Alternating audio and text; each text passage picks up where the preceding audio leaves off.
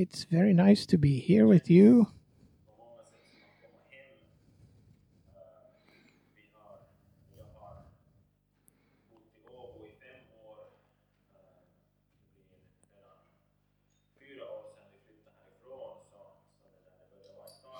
It's four years since we moved from here, so it's already.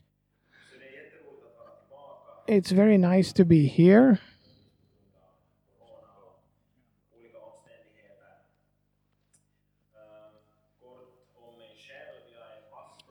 Shortly about myself, I'm pastor.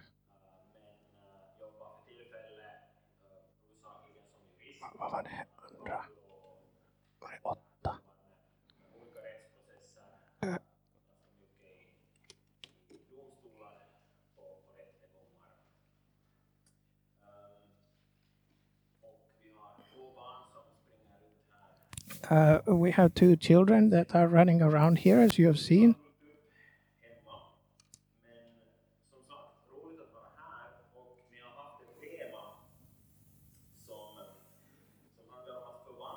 You've had a theme that is about uh, changing, that God wants to change us, but also that we can be and change our environment. Now, I haven't heard all these preachings, but I could make a short uh, resume so let, let's hope we will get a new new angle. Uh, sometimes when we think about this to change or transform, we might think it points forward, that we are transformed to something to something we've never been before. We experience something that we haven't experienced before. But today, let's look at it from a different angle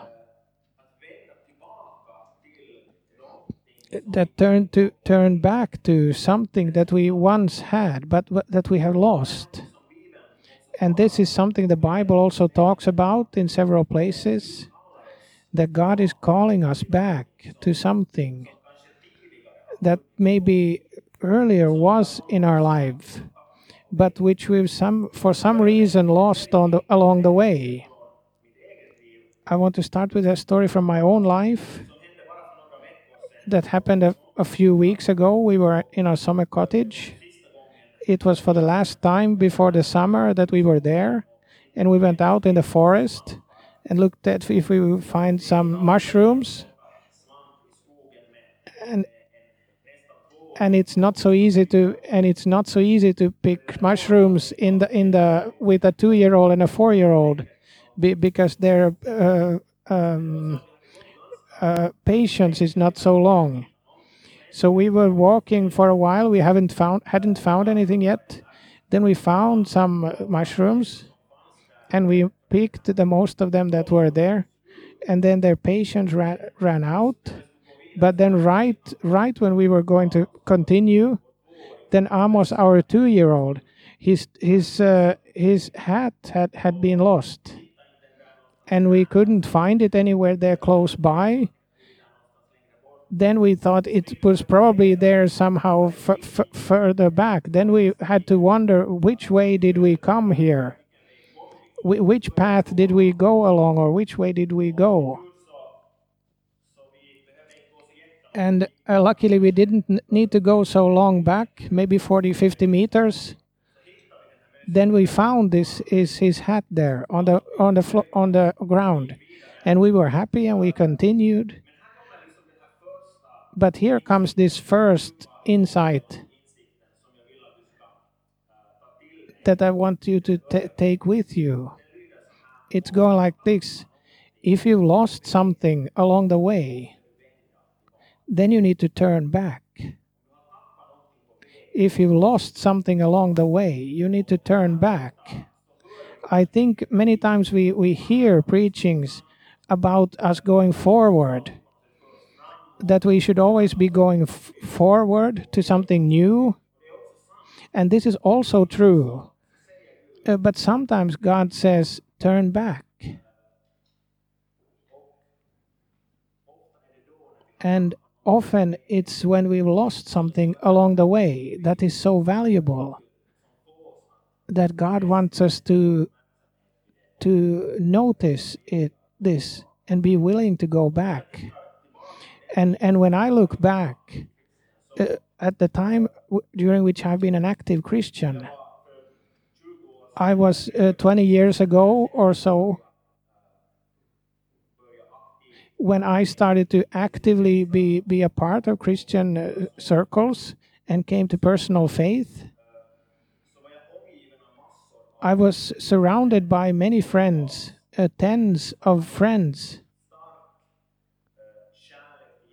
who had a strong love for Jesus and they wanted to live for Him. And some of them are still very active in their faith and part of a Christian fellowship, but pretty, but but actually surprisingly many. They, I asked today, where are they? Why can I not see them anywhere? Why don't I hear about them? Where are they? And what has happened to their faith, to to their like their like passion and their inspiration, and somewhere along the way, that maybe they've lost something but they haven't turned around to search for it. And I believe that none of us can walk through life without losing something along the way. The question is only how valuable is it, the thing that you lost? And will you, would you turn around to find it again? We might ask ourselves where we are sitting right now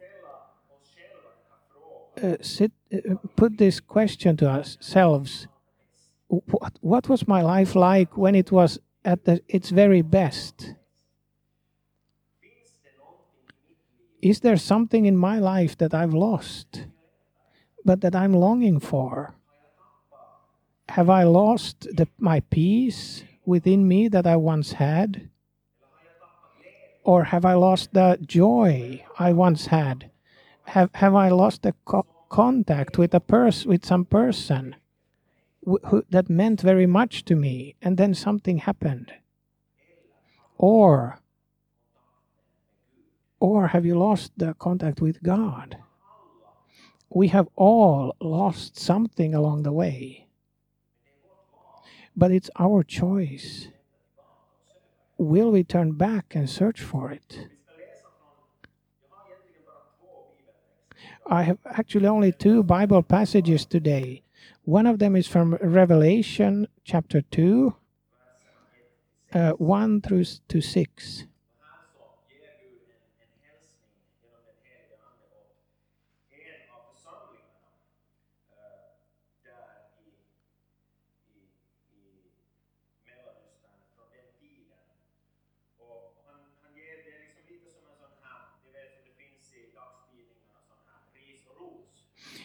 Uh, you you know how how it is in in the uh, uh, it, you know as in papers you can give like uh, positive and negative feedback. And and here god kind of says what they do good and what they could do better. And so this is how it, it goes. These are the words of him who holds the seven stars in his right hand and walks among the seven golden lampstands. I know your deeds, your hard work, and your perseverance. I know that you cannot tolerate wicked people, that you have te- tested those who claim to be apostles but are not, and have found them false. You have pre- persevered and have endured hardships for my name, and have not grown weary. Yet I hold this against you you have forsaken the love you had at first. Consider how far you have fallen. Repent and do the things you did at first. If you do not repent, I will come to you and remove your lampstand from its place. But you have this in your favor. You hate the practices of the Nicolaitans, which I also hate. I have three points today, and the first goes turn back to your first love. turn back to your first love. Here, the Holy Spirit is encouraging us to turn back to our first love. If you sometimes have been in love, you might remember what it felt like the first time. It can be an eu- euphoric feeling when you are fresh, so to speak, in love and and you are eager to just be together with this other person who who you love and and it can also be a, a little bit difficult for the uh, uh, people around them if there are two people who are like uh, so to speak attached to one another and they are they're, they're being on the uh, pink clouds and everyone else is trying to keep their feet on the ground so to speak. And and someone ha- uh, if you if you they have uh, someone has has uh, compared this the time to take receive Jesus to to this first time of being in love. It might seem like a strange comparison but but but this is also what is used in the bible that when we come to faith we like fall in love with Je- jesus and there is a euphoria and and a passion that comes from that god does something new within us and it's something about this first love that god is talking about here in revelation. And and here he he uh, he says to the congregation in Ephesus that they have lost that they have lost this first like eagerness that they had. And and what what is and what what is like uh, it, this first love makes us like enthusiastic and and and and we are ready to make make sacrifices.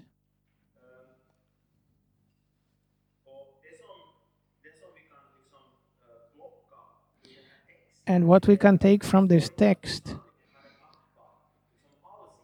it, did it doesn't say that the congregation would have lost all all their love there, there was still love but the holy spirit is saying but is saying that they had lost their first love. They, they had lost something about this freshness and and this this passion that was in their their love to God and to Jesus in the beginning. And before God gives this uh, this like uh, to to turn back. It says also consider how far you have fallen. In some it says think about from how from where you have fallen.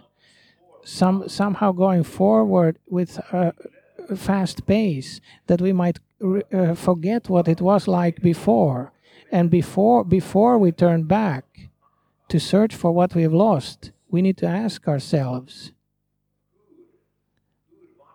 how was it when i had this first love? Consider how far you have fallen. Think about how it was then. Many times in my own life I've needed to notice that I've lost something about this, this first, something of this first love to Jesus. I haven't preached as as strongly for Jesus as I did before. I don't long as much to be with him as I did before. And I might not like have fellowship with him as much as I did before or that I'm not as dependent on him as I was before when I think about where I have from where I've fallen, I can turn back. For, uh, two years ago, I I received a message on my te- telephone, a very surprising message which I had not expected from a, a strange a woman I didn't know. As far as I could remember, I, I didn't know that name from before. It was a woman from Italy. There was there was a there was a picture of there was a picture of a handwritten letter from when I was a child, and then there was a picture of me from my uh, childhood when I went to the seventh or eighth grade in high school, and then it's uh, uh, in this message it said, "It is you." I think that, and, and I thought, yes, it is me. But who are you? And and this woman, whose name I couldn't re- re- remember, was my pen pal from from about 25 years ago. And she wrote in this let- letter that that I I kept the letters in a box. And and I was a bit embarrassed and and and I thought, poor, poor person, she has she she has saved all that my letters, and I couldn't remember who she was. And I thought if I would write to her that I have a, but I felt it would be a bit. Uh, uh,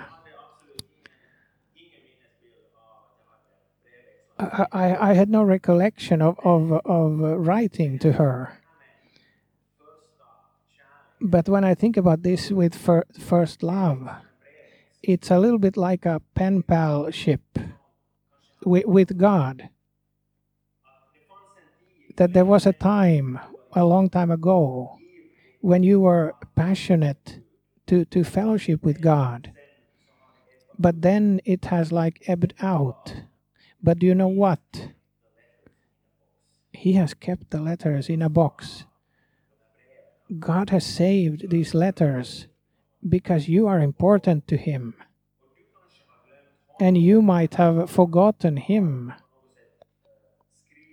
And you might have written less or more seldom to Him, but He has not forgotten you and He has not thrown these letters away. You are still important to Him. And He still wants to, to reconnect this uh, connection with you the, the second thing we read in this letter. The first was to turn back, to turn back to our first love. And then the second point uh, turn back to your first deeds.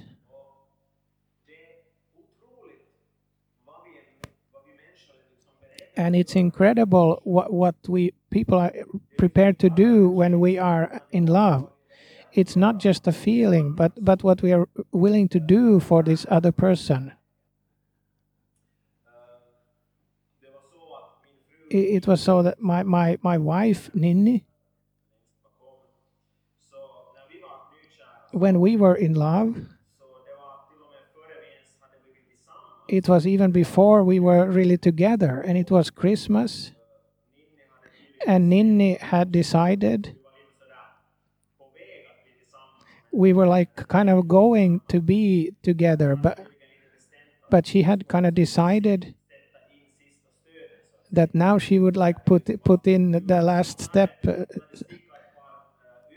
She had she had made some uh, wool, wool socks for me and she had made chocolate pralines at home for me. And and I thought that and I th- thought that what what what a what what a thing to do. Then it and then there were only a few weeks and and we became became a couple. So but then a, a couple of years ago I asked Ninni that's could you, could you not make those kind of fantastic homemade chocolate pralines again? And then she said, no, uh, that that I don't have the energy for. that I thought, okay. but when we are freshly in love, we are prepared to do almost what, anything for the other person and, and this feeling is strong and it's driving us to make sacrifices. So if you are in the beginning of, of a relationship and, and if you and if you have and if you have, have a, a wish that you want to if you want to convey a wish to to your your coming husband or wife that it, it's it's it's now you should do it. So if you want if you want a luxury villa by the sea or something so for for every day that goes that the odds go go down. And in 10 years you ask uh, from him or her. If you can buy new new, new shoes and the answer is no you don't need new shoes. This is how it goes. To to turn back to your first deeds what did i do when i was freshly in love? What was i ready to do for god when i was freshly in love with jesus? When this first love still was fresh and new the first 8 years when I worked in a congregation as a pastor and, and I, I worked in Ekenäs in, in my home uh, congregation. And after those eight years, when I look back at that those years, I I could that I had lost both something of my first love and also something of my first deeds because when I started as pastor, and I was very uh, concerned with to li- living uh, close to Jesus. I prepared my preachings uh, from prayer and listening to God. And if we uh, like go eight years forward, so eight years later, I was kind of like snowed in, so to speak in in a lot of uh, different tasks and administration, uh, committees, uh, work groups, and somehow this first love had had like uh, uh, uh, lessened. Sure, I loved God and I loved my job, but this freshness was gone. This this like excitement within me, it was gone, and and the joy in this work, it it had lessened then then I made a radical decision. I I stopped as pastor in Ekenäs, and I moved here to Turku, and I started to s- study uh, law. And then I went on in life, so to speak, and I left like one time period of my life behind me. But in a way, I also turned back to find something I had lost along the way and today I'm very happy that I did that. Because this is something that can happen to almost anyone in life. That we carry a passion eh, for God and then then we become so involved Uh, somewhere along the way that that we might lose the kind of the core or the heart in what we are doing. And when i've sometimes preached about this theme i've taken a small picture an example a stone. The the the we, when you have a four-year-old home you have there are lots of, of sticks and, and stones they gather all kinds of things from the forest and take them home. What happens if we put the stone on the paper and I and and I and I pull pull this paper uh, slowly toward me? The stone happens along, but what happens if I pull the paper very quickly? The stone is left left there. Now I don't know what, what why it is. So Heidi can explain to you in church coffee these formal these patterns. I don't know anything about it. I know it works like this. You saw it.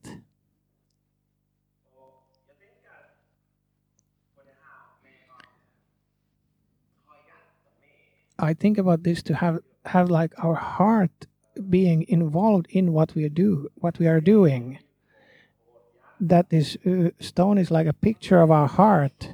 I've seen many people whose lives are like pulled in different directions and their heart is not coming along, so to speak.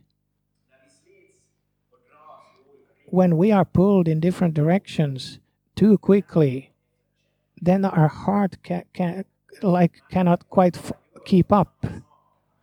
We might do the same things, but we have forgotten why we do them.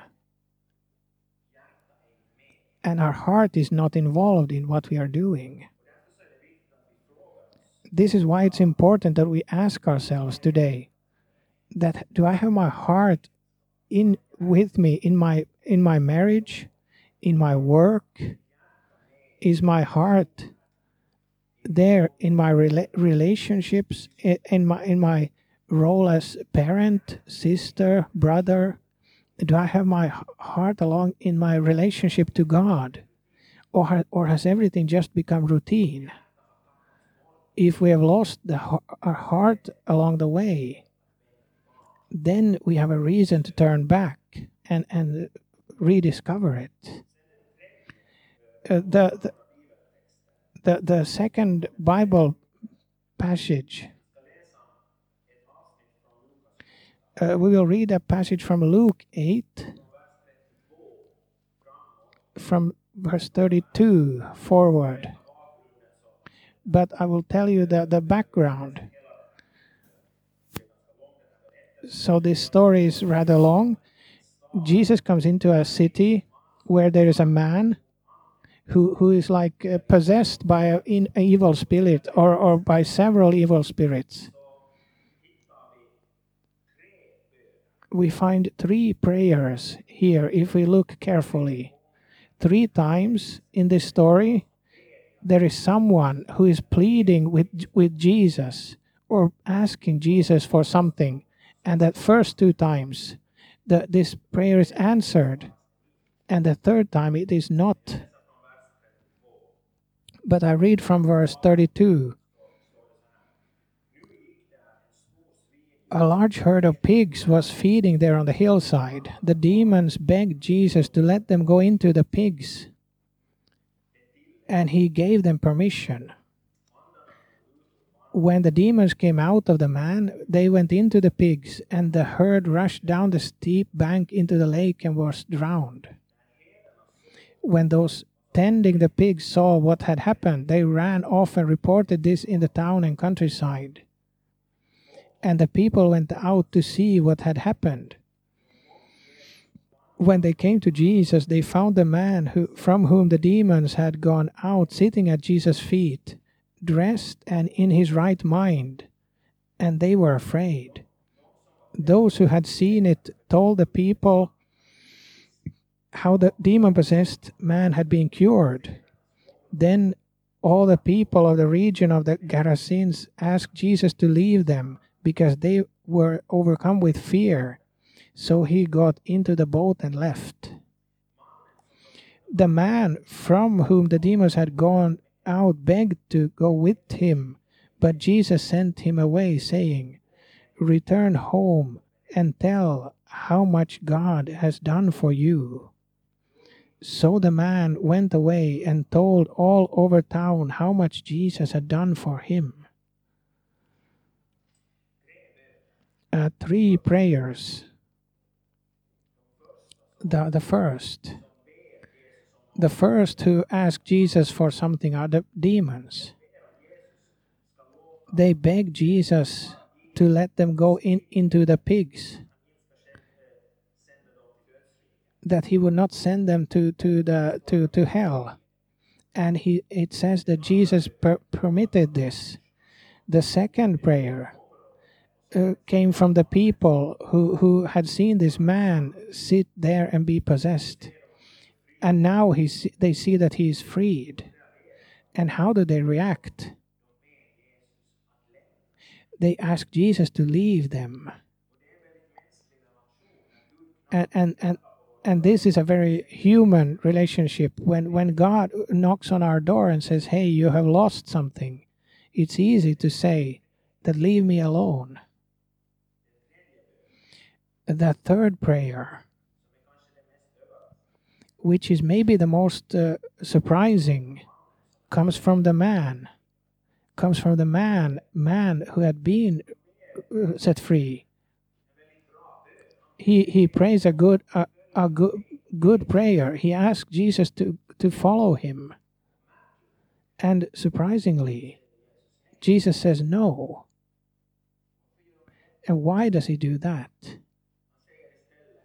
He says instead, return home and tell how much God has done for you. So turn back.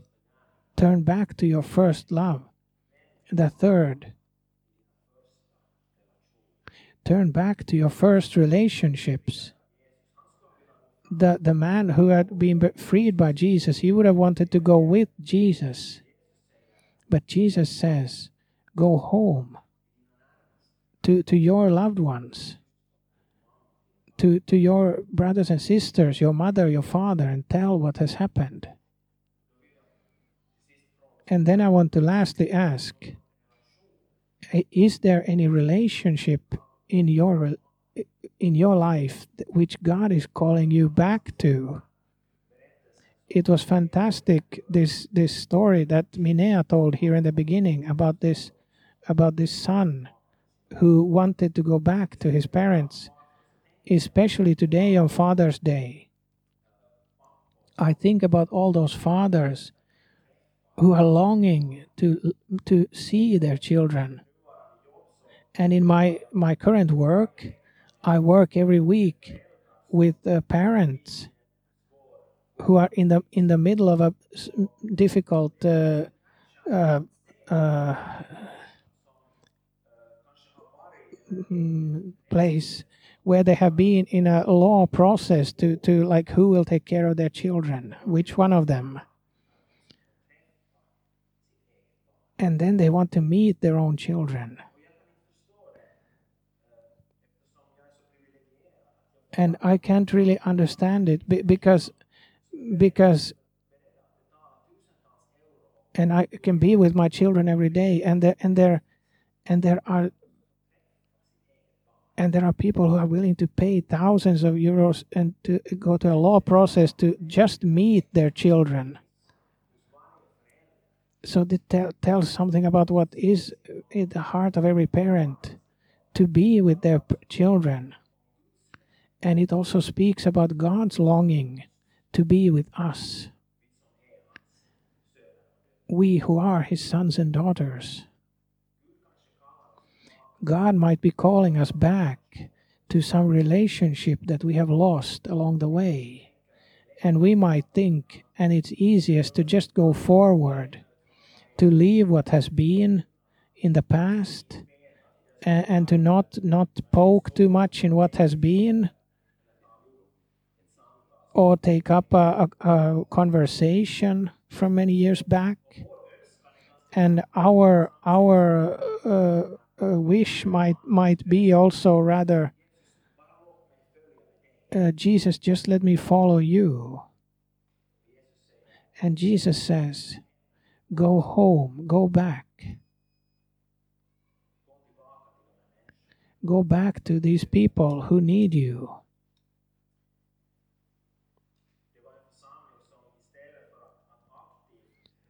There was a congregation who there was a congregation who who like where they instead of re, trying to reach new people they would they would they would seek out those people who they have lost along the way. I thought it was a good thought. It, the, the pastor in this congregation said that why would god give us new people if we cannot take care of those who he has who he has given us before previously and this this question we can ask ourselves as congregation and, and as individuals. So is there something that we've lost along the way god might be calling us today to to like reconnect? Now we will pray together